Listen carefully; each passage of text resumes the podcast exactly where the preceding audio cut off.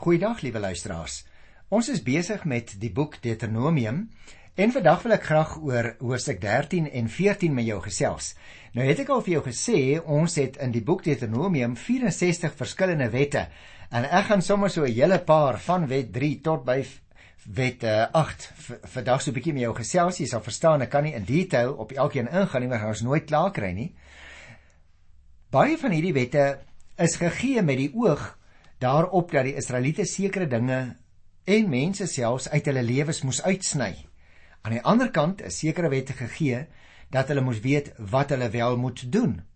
Nou baie interessant as 'n mens nou begin by die 13de hoofstuk, dan begin dit en die opskrif daarvan in die Afrikaanse teks is moenie afgode dien nie. Ek dink as jy wil, liewe luisteraar, kan jy dalk sommer langs vers 1 'n drietjie teken met 'n sirkeltjie om want die derde wet begin daar en dit het verskillende aspekte om die waarheid te sê die hele hoofstuk 13 uh, is uitbreiding met verskillende aspekte rondom hierdie saak en dit gaan basies oor vals godsdiens. Ehm um, dat daar nie afgodsdiens bedryf mag word deur die Israeliete nie. Nou ek dink, kom ons begin by die eerste 3 verse. Dan lees ons dit en ons gesels 'n bietjie in die algemeen daaroor. Wanneer 'n profeet of iemand wat drome uitlê by jou kom en vir jou vertel van 'n teken of 'n wonder en die teken kom uit of die wonder vind plaas soos hy gesê het en hy dan op grond daarvan vir jou sê kom ons gaan dien ander gode. Al het jy hulle nie vroeër geken nie al het ons hulle nie vroeër gedien nie moet jy nie na hom luister nie. Die Here jou God stel jou net op die proef om vas te stel of jy hom liefhet met hart en siel. Nou ek dink dis 'n belangrike opmerking wat hier staan, liewe luisteraar, want ons kry natuurlik ook dikwels met valse profete te make in ons tyd. En partykeer weet ons nie is hierdie ou nou regte van die Here of wat nie. Nou hier word nou interessante toets gestel. As iemand na jou toe kom sê Moses as mondstuk van die Here vir die Israeliete en hy sê vir jou kom ons gaan dien ander afgode.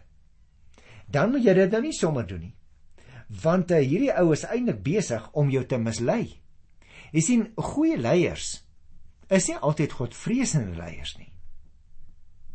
Belangrik om dit in gedagte te hou. Goeie leiers is nie altyd godvreesende leiers nie. Moses het naamlik die Israeliete gewaarsku teen valse profete wat hulle sou aanmoedig om te aanbid, maar hulle nie na die ware God sou lei nie gebeur dit nie ook in ons tyd dikwels nie. Dan kom iemand by jou, hy sê vir jou, kom gaan saam met my. Ons gaan uh, ons gaan aanbid. En as jy nie bedag is nie, kan jy baie maklik in 'n situasie beland waar die nie ware gode aanbid word. Jy sien inspirerende mense het soms te reg dikwels nuwe idees wat goed lyk. Maar ons moet in elke ding onsself laat toets aan die woord van die Here. Onsself afvra of dit regtig in ooreenstemming is met wat in die woord van die Here staan. Ons moet met ander woorde ook die woorde van diegene wat sê dat hulle vir God praat aan sekere maatstawwe meet. Praat hulle die waarheid? Laat hulle die klem op God val? Is hulle woorde konsekwent met dit wat jy reeds as die waarheid ken?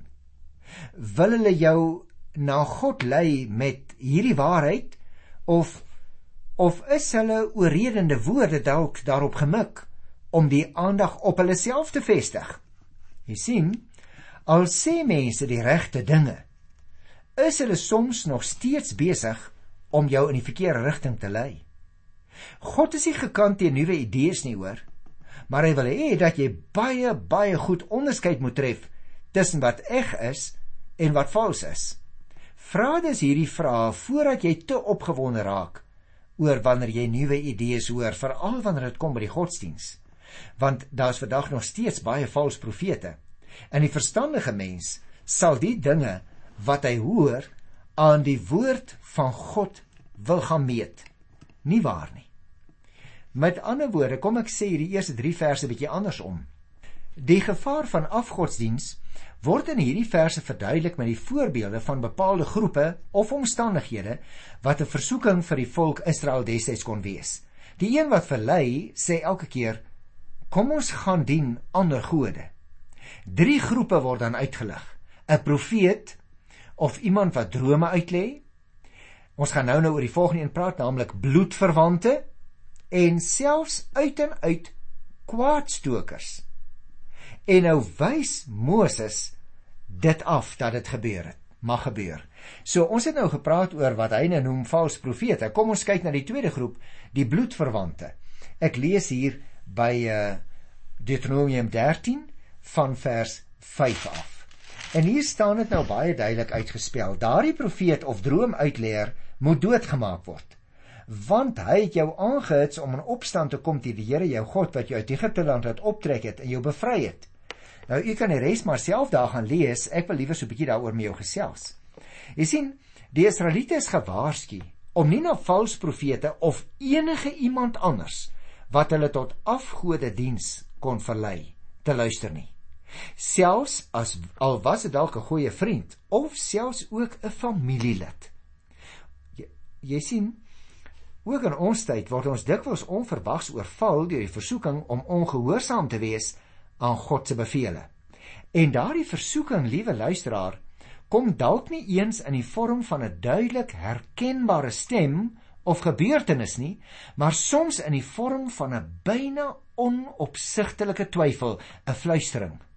En so 'n fluistering van twyfel kan nooit maar nooit oortuigend wees vir die gelowige nie. Veral as dit kom van iemand vir wie ons lief is. Jy sien, ons liefde vir ons dierbares mag nooit vir ons belangriker wees as ons liefde vir God nie. Dit is wel moontlik om staande te bly teen so 'n fluisterversoeking. Ons moet net ons harte in die gebed voor God uitstort. Getrou wees in die bestudering van sy woord. En dan sal ons weet of hierdie roepstem, hierdie fluistering wat tot ons kom, selfs al is dit by monde van bloedverwante, die toets van die Here se woord slaag of nie. Die derde groep waarteen gewaarsku word, jy sien daar was nou eers die valse profete vers 1 tot 3.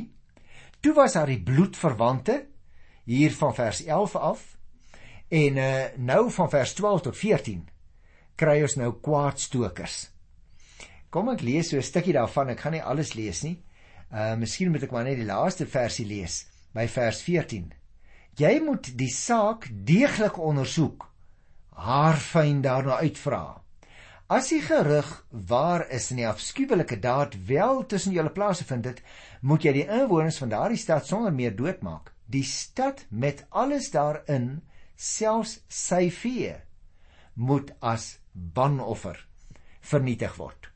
Nou kom ons kyk waaroor gaan dit in hierdie uh, paar verse 12 tot 14 waar daar van kwaads stokers sprake is. In die Ou Tyd het dit so gewerk in die tyd van die Ou Testament. 'n Stad wat die Here geheel en al verwerp het, moes heeltemal verwoes word. staan dit daar, sodat dit nie die res van die volk op 'n dwaalweg sou kon lei nie. Israel moes egter nie teen 'n stad optree voordat hulle nie heeltemal seker was dat die mense die Here wel verwerp nie. En hierdie riglyn luisteraars het natuurlik baie lewens gered juis toe die leiers van die volk Israel drie stamme verkeerdelik daarvan beskuldig het dat hulle die rug op die geloof gekeer het. Gaan kyk gerus in Joshua 22 en kry ook so 'n voorbeeld. Nou, as jy en ek hoor van mense in kerke wat afgedwaal het, moet ons heeltemal seker wees van die feite voordat ons enigiets doen wat uiteindelik vir enige persoon nadelig kan wees. Jy sien nou so baie kinderstories wat rondgaan. Kwaadstokers noem die Bybel hulle. Mense wat dinge oor ander gelowiges, ek praat nou van Christus gelowiges. Mense wat uh dinge oor Christus gelowiges of Christelike groepe of kerke sê en dan glo ons dit sommer ligtelik.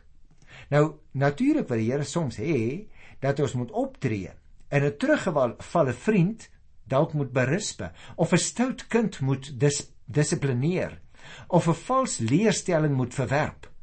Maar jy en ek moet te alle tye versigtig wees dat al ons feite wat ons hanteer korrek is voordat ons optree. Want daar is mense wat kwaadwilliglik stories en onwaarhede oor ander Christene versprei. En daarvoor moet ons altyd op ons hoede wees. Nou kom ons gaan nou na die 14de hoofstuk. Ek het vir jou gesê ons gaan 'n hele paar van hierdie wette behandel. So hoofstuk 13 het eintlik basies gegaan oor afgodsdiens of vals profete, noem hulle wat jy wil. Die 4de wet wat ons nou behandel, kry mens hier in die 14de hoofstuk van die boek Deuteronomium se eerste 2 verse. Julle is kinders van die Here julle God. En hier kom die 4de wet nou. Julle mag julle nie stukkend kerf of die hare voor julle kop afskeer as julle oor 'n afgestormde treur nie. Julle is 'n volk wat aan die Here julle God gewy is. Hy het julle uit al die volke op die aarde uitgekies om sy eiendomsvolk te wees.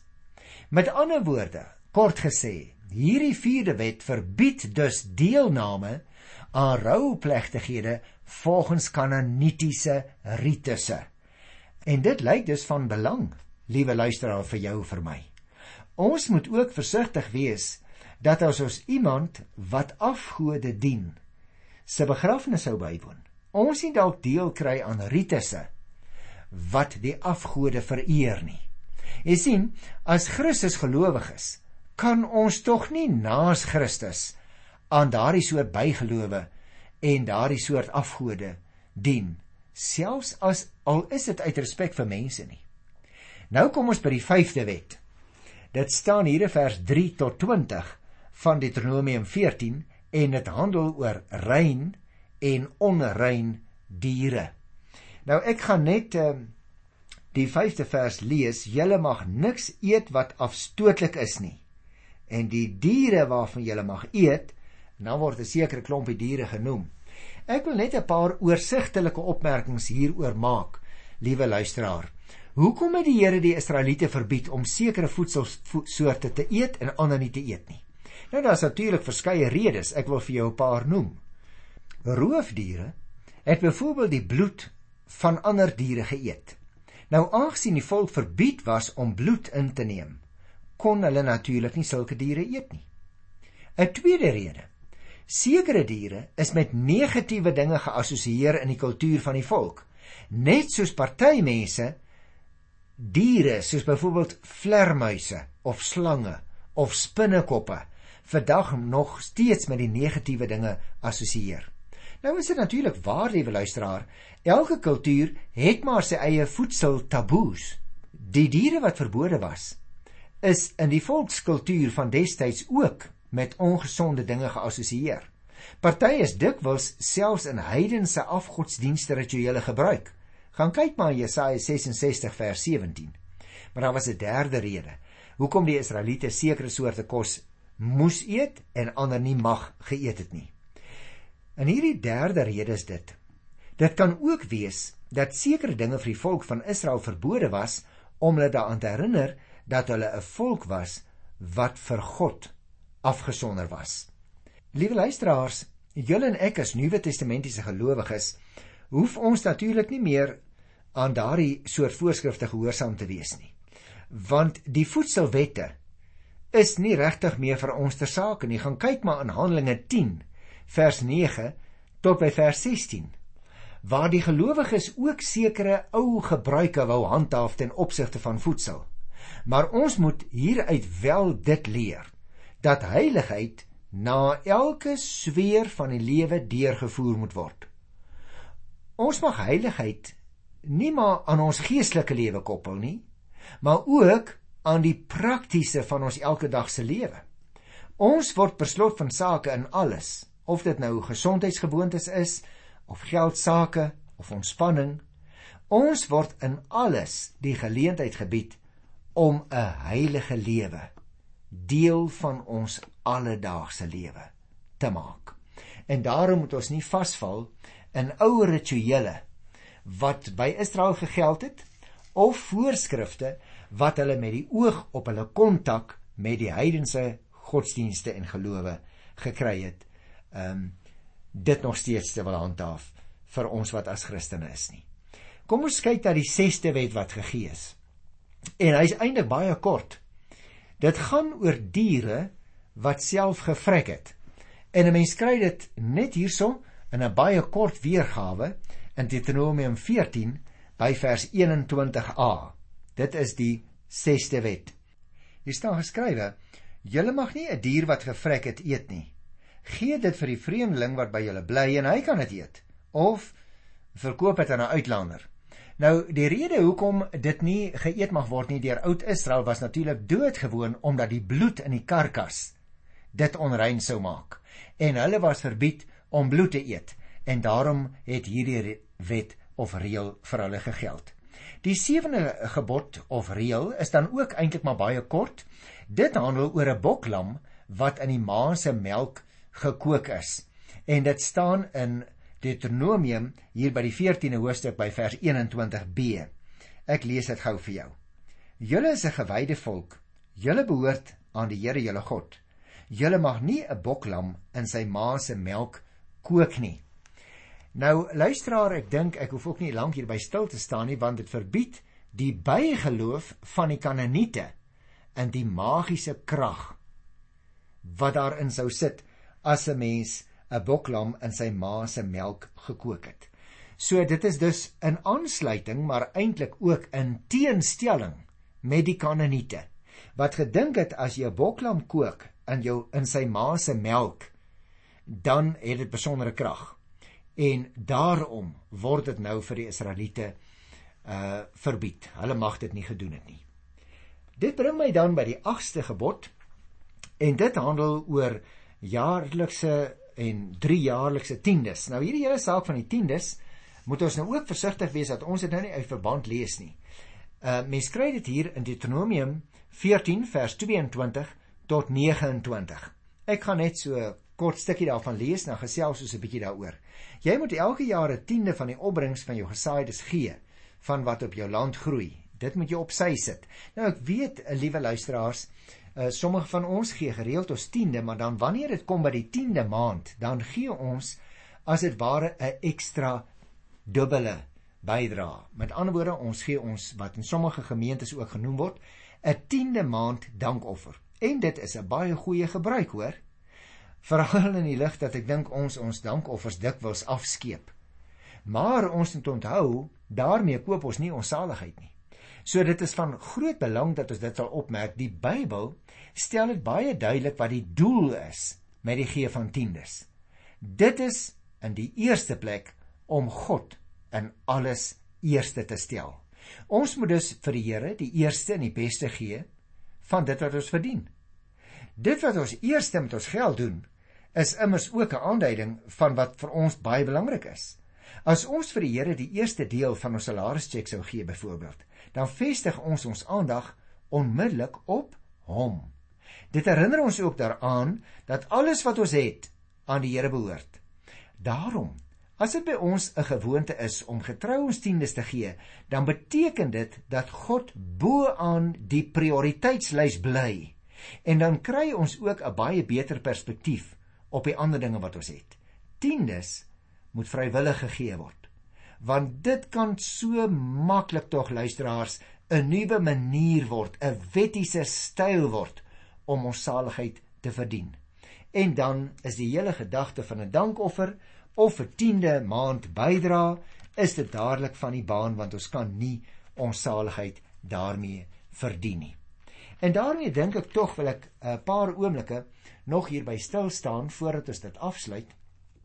En ek wil lees hier van vers 27 af.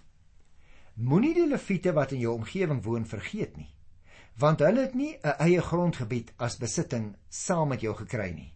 Om die 3 jaar moet jy die volle tiende van daardie jaar se opbrengs in jou dorpe gaan wegpak. Dan kan die leviete wat nie 'n eie grondgebied as besitting saam met jou gekry het nie, die vreemdelinge, die weeskinders en die weduwees in jou omgewing genoeg eet. As jy dit doen, sal die Here jou God jou voorspoedig maak in alles wat jy aanpak.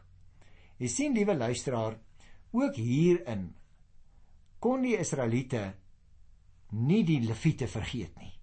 Aangesien hulle nie 'n eie grondgebied gekry het nie. Met ander woorde, Die leviete kon nie 'n deel van hulle oes bring nie, want hulle het nie 'n grondgebied gehad om 'n oes te saai en dan van die produk daarvan vir die Here te bring nie. En daarom word hier nou 'n baie besondere reëling wat vir my baie interessant is hier getref in hierdie verband. Daar staan in vers 28 al om die 3 jaar moes die tiende nie na die sentrale plek by die tempel nie, maar moes hulle dit in hulle dorpe gaan wegpak. En dit was dan bedoel, sê vers 27 vir die leviete en vir die vreemdelinge en vir die weeskinders en die weduwees in daardie omgewing. Nou hoekom sou die Here so 'n reëling gemaak het? Jy sien, so moes die minderbevoorregtes versorg word. Hulle moes genoeg kon eet, staan daar. Deur die 10de word die volk dus geleer om hulle self aan die Here toe te wy en terselfdertyd ook om te sien na almal wat minder bevoorregtes is. Die belofte is dan dat diegene wat dit doen deur die Here verspoedig gemaak sal word in alles wat hulle aanpak. Die 10de moet dus gesien word as 'n soort dankoffer waardeur erken word dat die opbrengs van grond en vee deur die Here moontlik gemaak is en in die gee van 'n persoon se tiende erken die Israeliet dus dat die Here vir hom sorg sover dit vir sy daaglikse behoeftes betref en dat hy dus ook sy dankbaarheid op daardie manier aan ander wil deurgee. Deur saam met ander hiervan te eet by die heiligdom word die een deur wie die tiende gebring word dus aan sy tafelgenote verbind en hulle almal se verbondenheid aan die Here word op so 'n manier sigbaar bely in Oud-Israel. Kom ek vat dit saam. Die Bybel, liewe luisteraar, is natuurlik ten gunste daarvan dat daar op 'n geordende wyse na die armes omgesien moet word. God het sy volk beveel om elke derde jaar dan het ons gelees, hulle tiende te bring om na die minderbevoorregtes in die gemeenskap om te sien.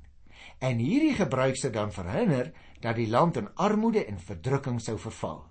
Almal moes omsien na die minderbevoorregtes, nie net sommige nie. Mense moes na armes in die familie omsien en dorpe na die armes in hulle gemeenskap. Daar was wette wat die regte van die armes beskerm het en armsorg was op daardie manier deel van die godsdienstige lewe van destyds.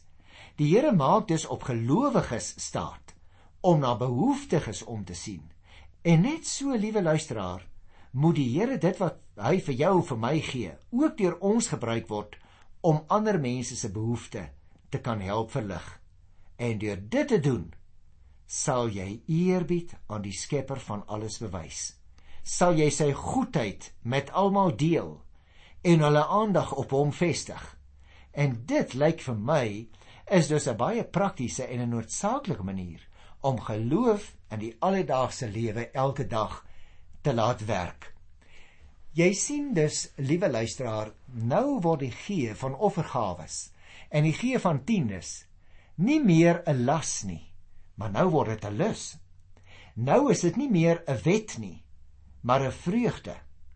Nou gebruik die Here vir jou en vir my om ook dit wat hy aan ons gee te deel met ander mense.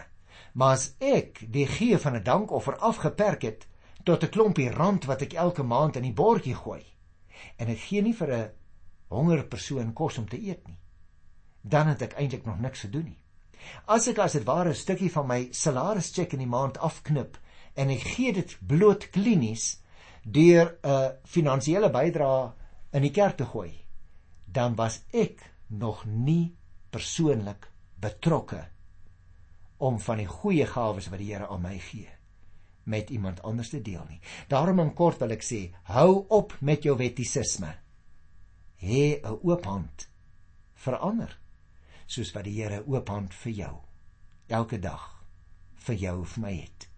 Ek groet jou in die wonderlike naam van die liefdevolle en vrygewige Here aan wie alles behoort volgens Psalm 24 vers 1. Tot volgende keer. Totsiens.